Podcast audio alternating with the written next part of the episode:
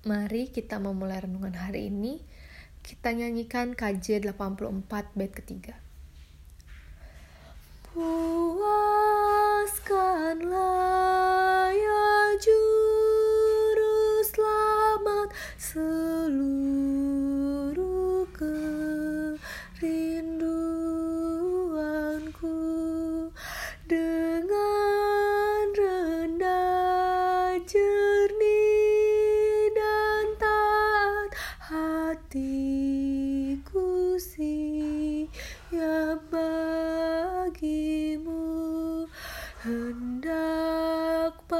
Padamu ku abdikan perananku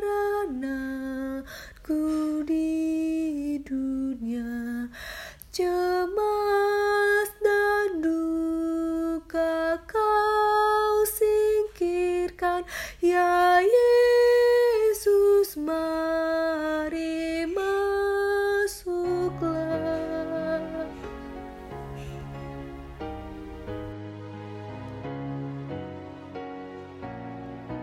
menanti saat kecemasan menjadi sukacita dalam pengharapan. Berapa banyak di antara kita yang berdoa saat merasakan cemas? Bagaimana perasaan kita setelah berdoa? Lega, tenang, sukacita, atau bahkan semakin sesak? Adakah di antara kita yang berdoa namun masih tetap merasa sesak karena merasa masih tidak ada jalan keluar? Tentu jawaban setiap kita berbeda. Namun, saya ingin membagikan pengalaman saya mengenai doa.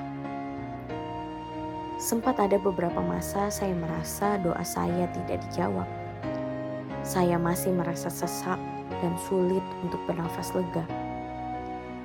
Ada perasaan yang belum terpuaskan dari setiap doa yang diucapkan.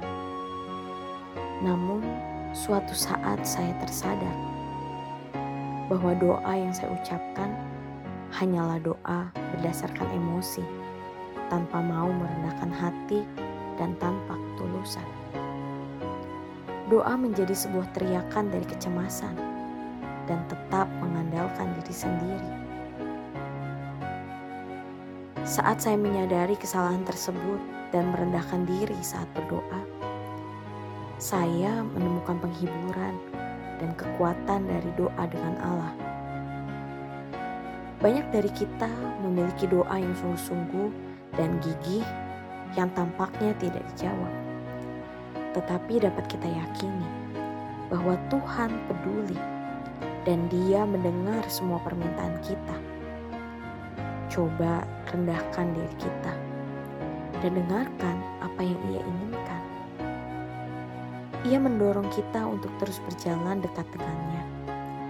Ia menjadi bersuka cita dalam pengharapan, sabar dalam penderitaan, setia di dalam doa.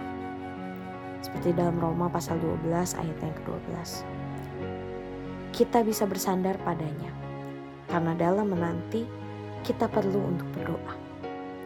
Dan doa akan menguatkan kita untuk sabar di dalam penderitaan dan penantian. Di dalam doa, kecemasan dapat berubah menjadi kelegaan dan sukacita di dalamnya.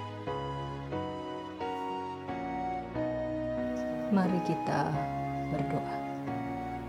Tuhan, firman-Mu mendorong kami untuk terus berdoa. Bantulah kami untuk gigih berdoa dalam masa penantian ini. Amin. Inilah ibadah pada hari ini. Tuhan Yesus memberkati.